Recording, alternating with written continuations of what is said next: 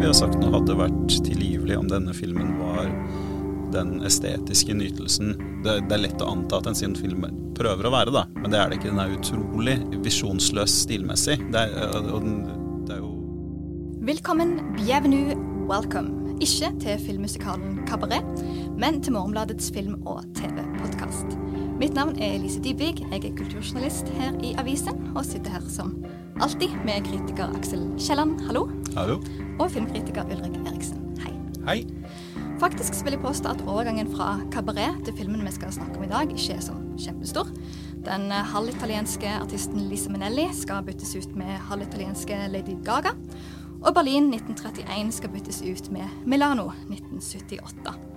Og da snakker vi selvfølgelig om House of Gucci, som i dag har premiere på norske kinoer. Lady Gaga hun spiller Patrizia Reggiani, en fremadstormende sosial klatrer fra middelklassen, som eh, kaprer Maurizio Gucci, som da er sentral sønn i Gucci-familien, som på dette tidspunktet eier det luksuriøse motemerket Gucci. Og denne Maurizio han vil jo helst holde avstand eh, til sine velstående, eksentriske mannlige slektninger, mens Patricia derimot er fast bestemt på å kjempe seg inn til kjernen av familieimperiet. Det går jo ganske greit i starten, og så går det ikke så bra likevel. Denne filmen baserer seg på boken The House of Gucci, A Sensational Story of Murder, Madness, Glamour and Greed. Så er jo spørsmålet aller først hva type film har vi å gjøre med her? Er det en motefilm? Er det true crime-drama? Er det episk slektssaga? Eller er det en film som gjerne vil være noe, og så er den kanskje noe litt annet? Ulrik? Ja, den vil jo absolutt være en motefilm, eh, i og med at den måte, omhandler Gucci, og at det måte, gjøres selvfølgelig til et stort poeng at det er en, et motehus vi, som er i sentrum. Men det er jo ikke i veldig stor grad en motefilm. Det handler veldig lite, oppsiktsvekkende lite om mote. Så i den grad vi skal putte det inn i noe, så har det vel mer med true crime og slektssaga å gjøre. Men uh, hvor vellykket det er uh, som en av de delene heller, eller begge deler, er vel også litt uklart. Det kan vi kanskje komme tilbake til. yes, enig i det. Ja. Ja, altså jeg syns den, den, drar i alle retninger, eller i hvert fall de tre. da. Eh, og så ender den liksom opp med å være ganske middelmådig på alle uh, felt. Og så er den veldig lang.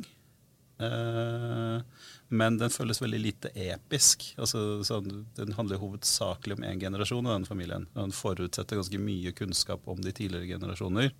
eh, men som den da uh, Så du må kjenne til Gucci-historien? Det var nok en fordel, ja. Men, men så er det også en fordel altså det, er, det, kan være en ulempe å kunne mye om dette filmen, for da tror jeg du vil irritere deg desto mer over hvordan den løser ting. Så, ja. Nei, for, for det at han si, har disse ulike retningene han drar i.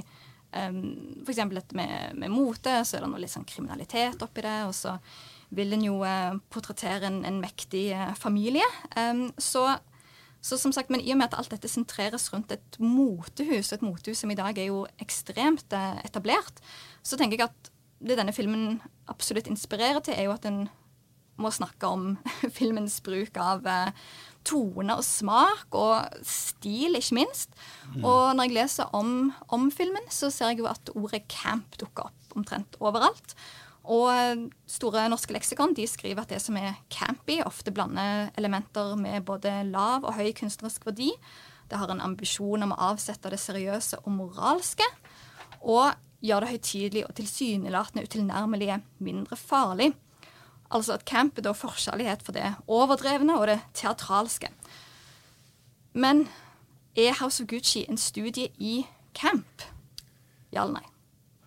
Ja, kanskje vi skal si det. Altså det men litt ufrivillig, da. Eh, alt, men fordi, ja, eller ikke gjennomført, i hvert fall. Ja, ikke gjennomført, ja. ja. Jeg tenker særlig mm, Flere av rolleprestasjonene er, lever jo hele tiden på den grensen mot det veldig overdrevne, uh, og ikke alltid så elegante uh, overdrevne. For man kan godt være overdreven og gjøre det på en elegant måte, men her så blir det litt mer sånn påtatt. På hvilken måte vil du si det jeg, jeg, både den rollen til Al Pacino, som han spiller jo denne uh, onkelen som er uh, den som på en måte er i praksis Kapitalisten. Ja, kapitalisten og i praksis driver dette Gucci-huset videre. Uh, og han på en måte tar jo ut alt han kan om å liksom spille Og alle har jo denne aksenten som på en måte Ja. er litt fjolte i seg selv. En Eh, italiensk, eh, Sånn italiensk Ja, eller. Veldig European, i hvert fall. Ja. Ja. Og så, og så tar jo på en måte Al Pacino ut det er, Han er veldig sånn Al Pacino-aktig. Mm. Og det kan noen ganger fungere veldig bra. Her blir det litt for mye. Og så syns jeg også Jared Letos rollefigur, som er uh, nei, fetteren til, eh, til denne Ja, Maurizio sønnen til Al Pacino. sønnen til Al Pacino, som på en måte, han skal liksom være så veldig, veldig dum og, og, og stakkarslig. Og det blir på en måte, det mangler noen nivåer. Det mangler, det blir på en måte bare helt ensidig, ensidig og litt flatt, det hele. Og litt sånn komisk bare for å være komisk. Og så har du jo selvfølgelig eh, hovedpersonen selv, på en måte da, Lady Gagas rollefigur. eh, som måtte fungere helt fint. Jeg tenker at hun klarer seg nesten best av, av disse. Uh, men, den, men den sliter med den samme på en måte, flatheten, syns jeg. Altså at den, uh, jeg klarer ikke å på en måte, få eh, noen lag der som på en måte fungerer Nei. så veldig godt. For halvhjerta camp, hva er det for noe, Aksel? Ja, altså det er Det føles som en um, Altså camp er jo jeg er ikke, jeg er ikke liksom uh, helt uh, opp på camp-historien min, men sånn som man tenker på det innen filmsammenheng, da, så, så er jo det nærmest en sånn slags sånn um, eh, aggressiv strategi for å redefinere filmhistorien, altså på et teoretisk plan, men også en sånn um, eh, liksom mye homokamp og til dels kvinnekamp som har vært ført i disse lave sjangerne og liksom eh, hva skal man si, mindre respektable uttrykkene som melodrama og, og den type ting. Um, men det er jo ofte det som forener med de, er jo en sånn en fokusert, om ikke inderlig, eh, visjon og uttrykk. Og det er det ikke her. Her er det veldig lite fokusert. Også I den grad det er en studie i camp, så er det fordi det er en, eh, du har flere forskjellige typer camp i filmen. Sånn som du snakket tidligere om, at Lady Gaga er jo ganske sånn rett på camp. Ja, for det er jo en forskjell der. For jeg gikk tilbake til Susan Sontag sitt uh, veldig innflytelsesrike essay fra jeg tror det er 1964, der hun skriver om, om camp. Uh, denne den amerikanske kritikeren. Og hun, hun gjør jo et veldig interessant skille mellom Det finnes to ulike typer camp. Du har det uttrykket som dedikerer seg 100% til det det prøver å være. Um, og så har du camp som vet at det er camp, eller at nå prøver vi å være litt campy.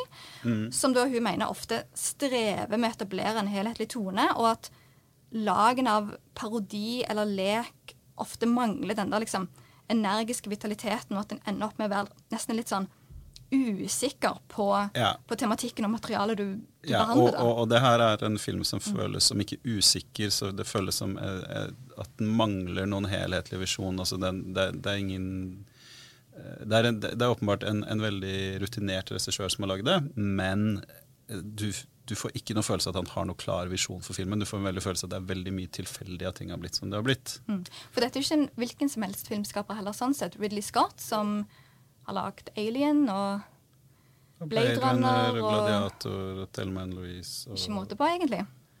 og Men- så videre. Og det skal sies, eh, relevant i denne sammenhengen, komme ut av britisk reklamebransje.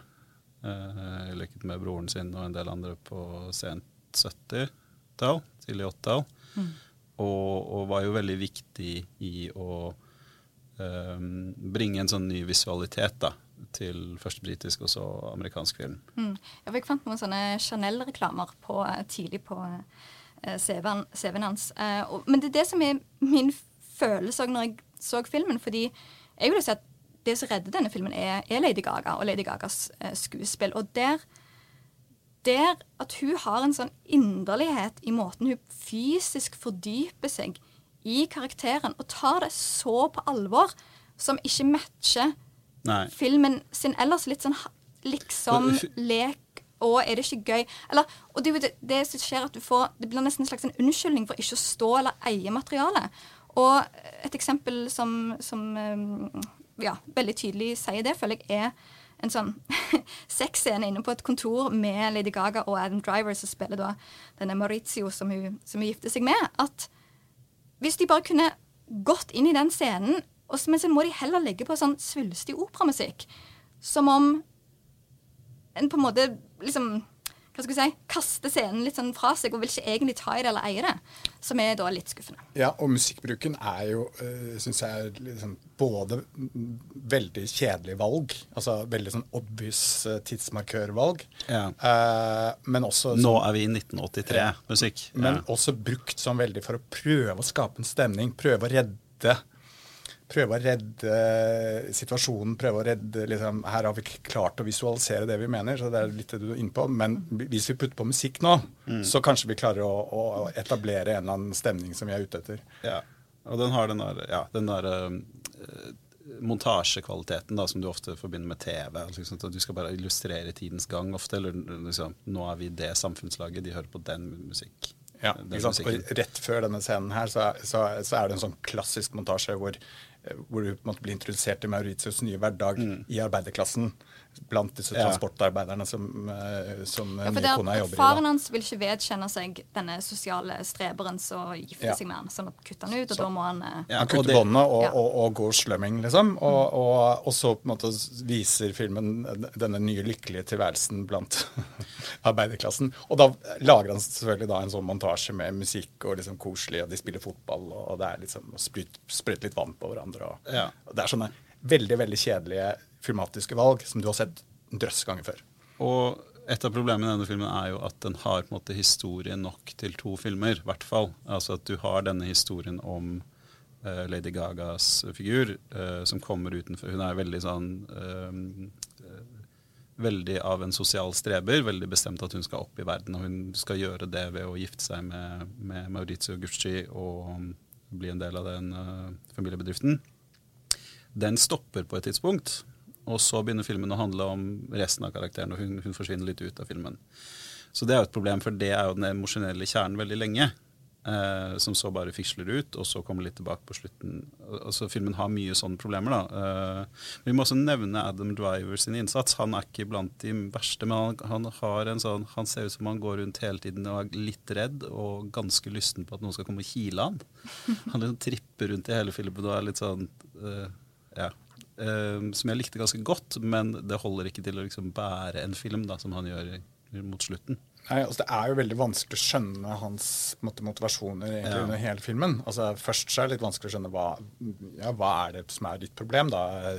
Hvorfor kan du ikke bare liksom ta over dette motehuset og bli liksom eh, Hva er det virkelig som, som stopper deg fra det? Og så, når han da bestemmer seg, så er det litt vanskelig å skjønne hva som er motivasjonen da også. For da har han, måte, hvordan er den omdreiningen der? Den fremstår litt sånn eh, og, så det, Men det er jo litt fordi det er jo ikke hans film. Altså, Det er jo ikke han det egentlig handler om. Men det er jo som eh, Aksel snakker om, Lady Gagas rollefigur forsvinner jo ut av filmen på et eller annet tidspunkt og blir ganske borte eh, av naturlige årsaker. Men, eh, men Ja, da for der, der blir det en annen film. Da. første delen av filmen, der du, du får se liksom Lady Gaga sine veldig bevisste taktikker og strategier for å komme seg inn i denne familien, det syns jeg fungerer kjempefint. Og så plutselig satt jeg, selv om jeg på en måte absolutt hadde ikke noe imot å sitte der og se filmen, det var veldig fint, men, men så jeg føler jeg meg stuck i en TV-serie og tenker gjerne litt for mye på Succession, med at nå er de bare slekt som krangler i små rom om hvem som skal få hva.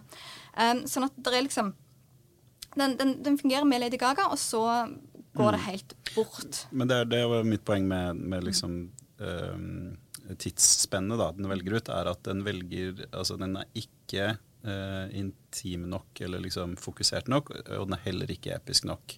Hadde den skildra liksom to generasjoner før og en etter, så hadde den strukturen med liksom Nå har du en hovedperson, så forsvinner hun ut. Den hadde fungert. Men Eller du kunne bare fokusert på henne som en tragedie, på en måte. Men den skal ha litt i pose og sekk. Ja, for hun, hun er jo overbevist føler jeg, litt Lady Gaga er jo overbevist om at hun spiller i en stor, storslått tragedie, og så alle de andre tror at de spiller i litt sånn gøyal satire. Um, men men Ja. det, som, eh, det som slo meg òg, er jo at um, Ridley Scott, regissøren, har jo sjøl sagt at eh, det som tiltrakk han til dette prosjektet, var liksom denne mektige Gucci-familien, litt sånn som Medici-familien i sin tid, og at eh, oh, her skal vi inn i, liksom. Uh, men er, lurer jeg på, er det liksom nok til å rettferdiggjøre denne filmens eksistens? Altså, det hadde jo vært det hvis det var eh, Hvis manuset var skrevet for å få det fram bedre.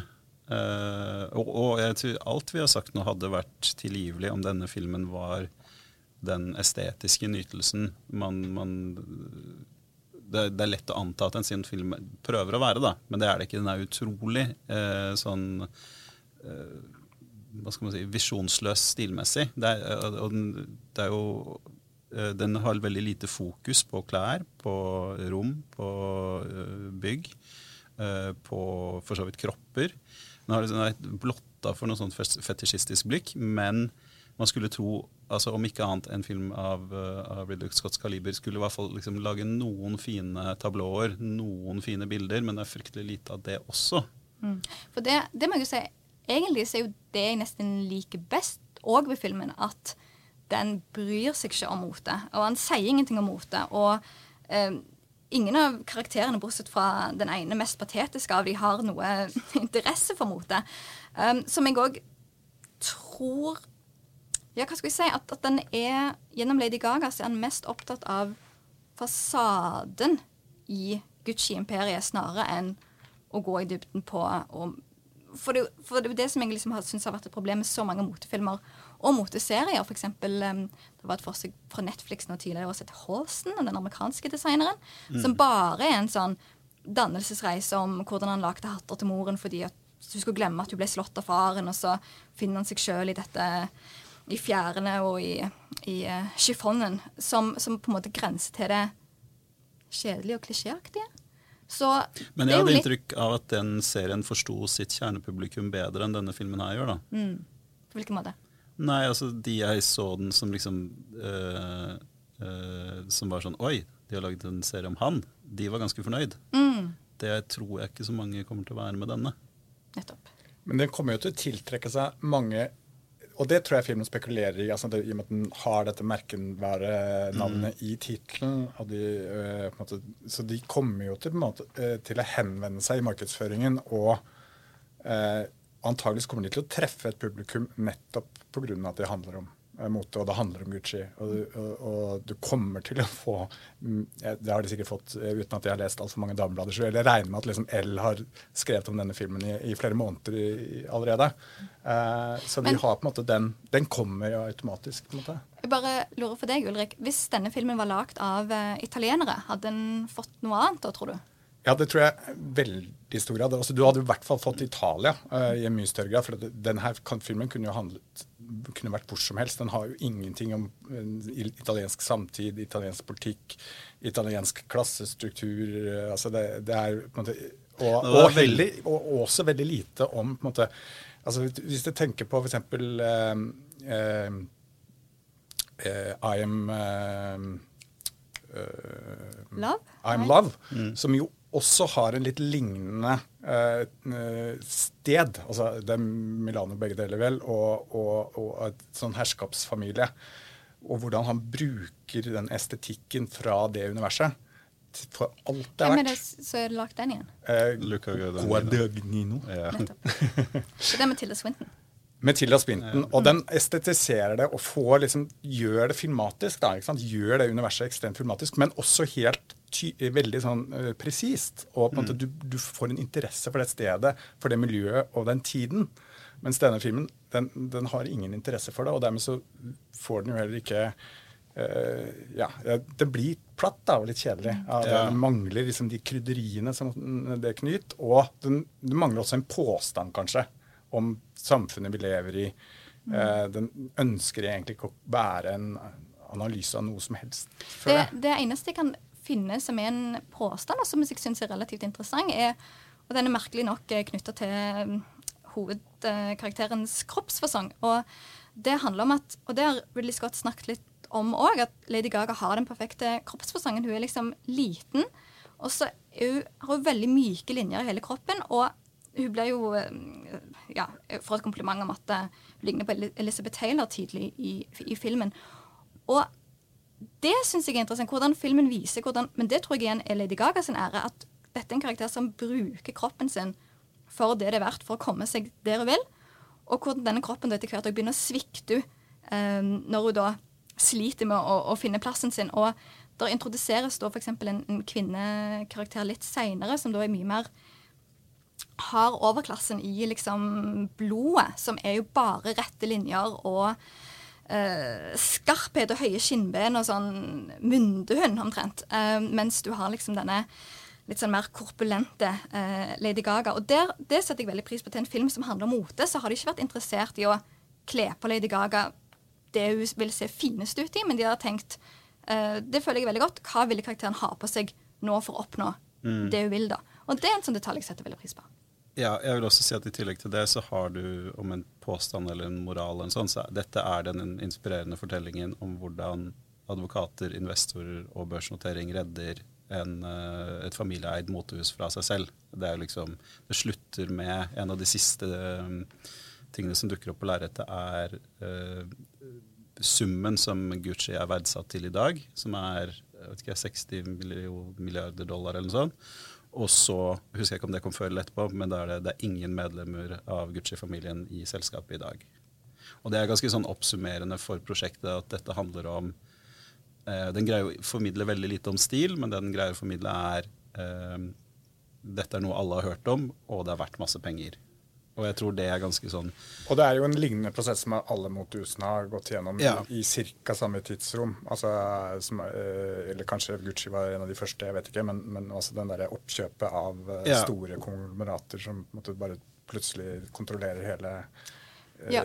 hele og, og, gjør det globalt, og på en måte gjør mm. merkevaren til en, måte, noe annet enn bare å være et motehus. Da. For det jeg ble sittende og tenke mye på, var at um, hvis du er Altså Gucci i dag er et mye mer sånn eh, allment begrep enn det var da jeg var tenåring, f.eks.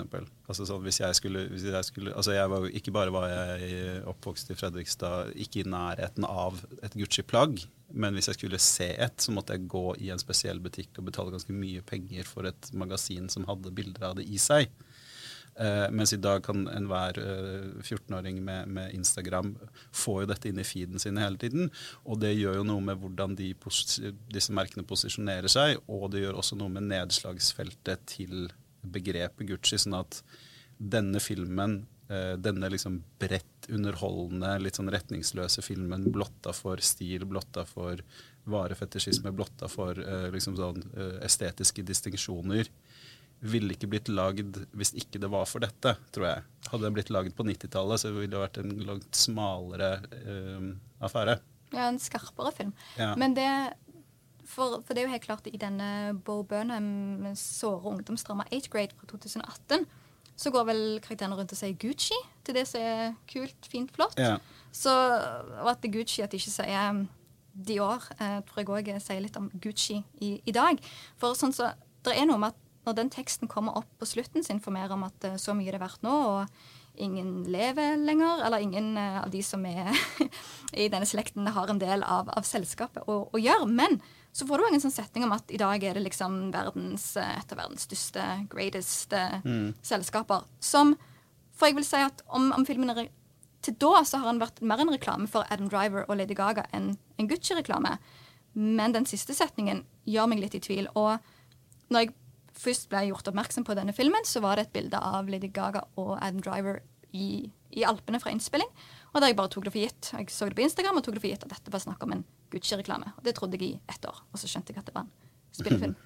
Så, så, hvordan fungerer han inn i dette merkevareuniverset, da? Ja, altså, jeg kan jo aldri se for meg at Gucci ikke har på en måte sagt uh, OK, kjør, liksom. Uh, så de har jo, om de ikke har vært med i manusprosessen, det, det tviler jeg på. Men, men, men, at den på en måte forholder seg til eh, merkevaren som Eh, en, og at den har en tradisjon som den på en måte prøver å undersøke, det, det gjør den jo. Den har jo noen sånne små observasjoner meg, så de blir ofte litt sånn malplasserte og litt sånn Jøss, der kom den. liksom. Den har bl.a. en sånn liten sekvens om hvordan på en måte fake væsker, eh, salg av fake ja, væsker i New York ja. eh, plutselig blir et fenomen, og så sier Al Pacinos rollekarakter nei, nei, det er ikke noe farlig. Det, det bare øker på en måte ja. eh, som jo er, er altså, Vi bestemmer hva som er Gucci? Ja, ikke sant? vi bestemmer, mm. og det mm. bare gjør at eh, husmoren på Long Island på en måte også kan få lov å ta del i dette her. Da. Så det er på en måte bare en sånn demokratisering og utvidelse av, av merkevarekonseptet, som jo er på en måte hele konseptet bak alle store luksus brands i dag, er jo på en måte at alle kan få en bit, men veldig få kan Ja. ha den aller dyreste eh, biten. Men, Ja, men men også har det også gått fra, gått fra en sånn uh, øh, Det har gått fra å handle om en sånn smak du må tilegne deg, da, eller få være født inn i, øh, til å handle i veldig mye større grad om bare rene penger. Nå fikk jeg en idé. Eh, fordi det her er en tidlig observasjon i filmen fra eh, Patricia. Eh, hun snakker om det å på en måte aldri kunne ta del i denne luksusen. Aldri kunne på en måte få det, det, det, den ekte store luksusen. Bare være liksom lenket til småborgerskapet, da, eh, som hun har følt. Og at ved å på en måte bli sammen med Maurizio, så kunne hun plutselig ta del i det. Så det er jo på en måte Det er jo noe der. altså at Hun speiler jo på en måte eh, hele eh, småborgerskapets liksom trang eh, for å på en måte få kunne ta del i Gucci. Og, og at det er jo på en måte mye av eh, mye av appellen til sånne luksusmerkevarer. at måte, ja, småborgeren kan få en liten bit av eh, storborgerskapet. Ja, for Hun snakker vel, forteller stemme helt i begynnelsen om det òg. Og drømmen om å kunne kjøpe det nest billigste i vinduet. eh, Et Gucci-vindu, f.eks. Um, men så lurer jeg på den der koblingen mellom mote og film. For det slår meg at Gucci mer enn noen andre har lenka seg på en sånn populærkulturell estetikk. Og jeg ble husker en sånn reklamekampanje de hadde i 2016, der de hadde på en måte annonser i uh, store moteblad, og så hadde de en sånn liten sånn filmtekst uh, under bildet av en sånn dame som lener seg mot en bil, og det er mye sånn eklektiske farger og mønstre, og så er det sånn typisk som hvis du ser en sånn utenlandsk film som skal forklare deg hva lyder du hører i bakgrunnen, og da kan det være sånn uh, skal vi se om jeg fant et eksempel, wild ringing and hammering. Sånn at Gucci mer enn noe annet merker å leke seg med filmestetikk, Uh, som jeg òg på en måte Som var nok grunnen til at jeg bare tenkte når jeg så Lady Gaga og House of Gucci, at dette måtte være et eller annet i, i landskapet mellom reklame og, og film. Men uh, Aksel, er det liksom Ja. Overgangen der mellom mote og uh, filmkunstnere.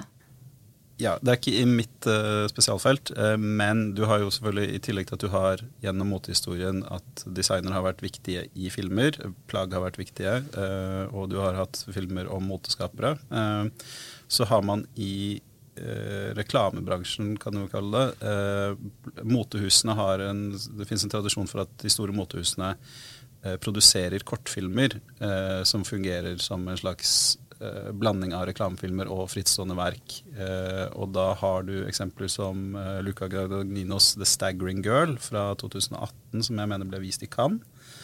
Eh, du har eh, Miu Miu, som har en hel serie med det de kaller women's films, som er korte filmer av filmskapere som eh, Agnes Varda, Lucrezia Martel, Lynn Ramsey, Chloé Sevigny og andre. Og så har du en av de, liksom, en av de ja, relativt få filmene David Lynch har lagd på dette århundret, er den ganske lange kortfilmen eh, Lady Blue Shanghai, som han lagde om eh, Dior-vesker, eh, som er vel verdt å se. Eh, Så har du vel Wes Anderson og Louis Vuitton. Prada. Ja.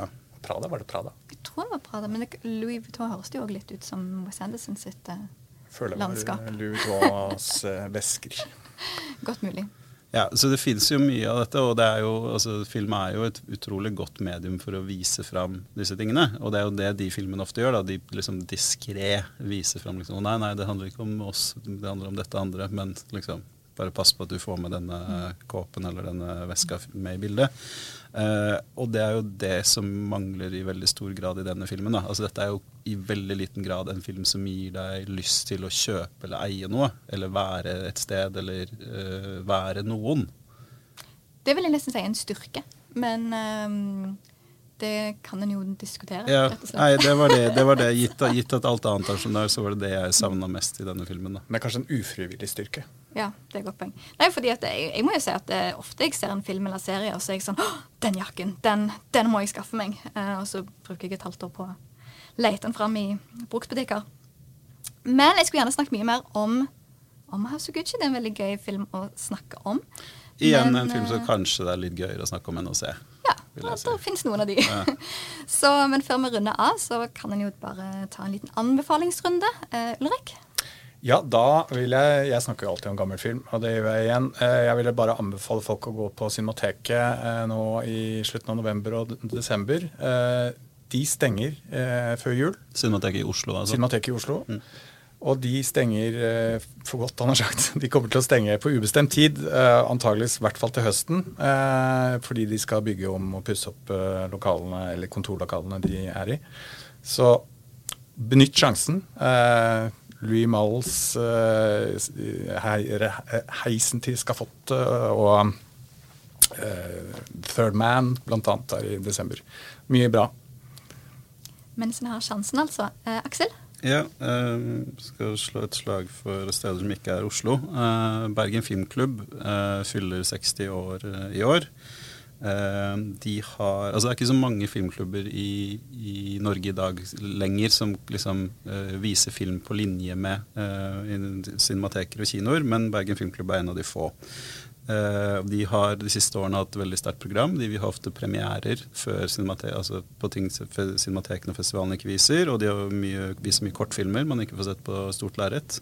Og de viser de god i kinokvalitet. Eh, så jeg har en spesifikk anbefaling, som det er Shinya Sukumoto Setsuo, som er en film jeg har nevnt flere ganger på podkasten før. Den vises nå på søndag 28. Og så generelt, eh, hvis man bor i Bergen eller er i Bergen, sjekk ut programmet til Bergen Filmklubb. Veldig bra. Da Denne uken så hørte jeg eh, siste episode av eh, amerikanske komikeren Mark Maron sin, eh, sin podkast sett WTF, em, som denne gangen er da et langt intervju med nettopp Ridley Scott, som, som snakker da om House of Gucci og filmkarrieren sin og oppvekst i England etter andre verdenskrig veldig gøy å høre frittalende eldre regissører snakke. Så sjekk gjerne ut det, og bare for å få alltid gøy å vite hva de som har lagd ting, tenker om det de har lagd. Og om det er så annerledes fra det en tenker sjøl. Det var det vi hadde tid til i denne episoden. Og så kan en i avisen eller på morgenblad.no lese mer om film og TV. På hjemmesiden er det òg mulig å tegne abonnement. Og ja, tusen takk for at du hørte på, og så snakkes vi neste uke.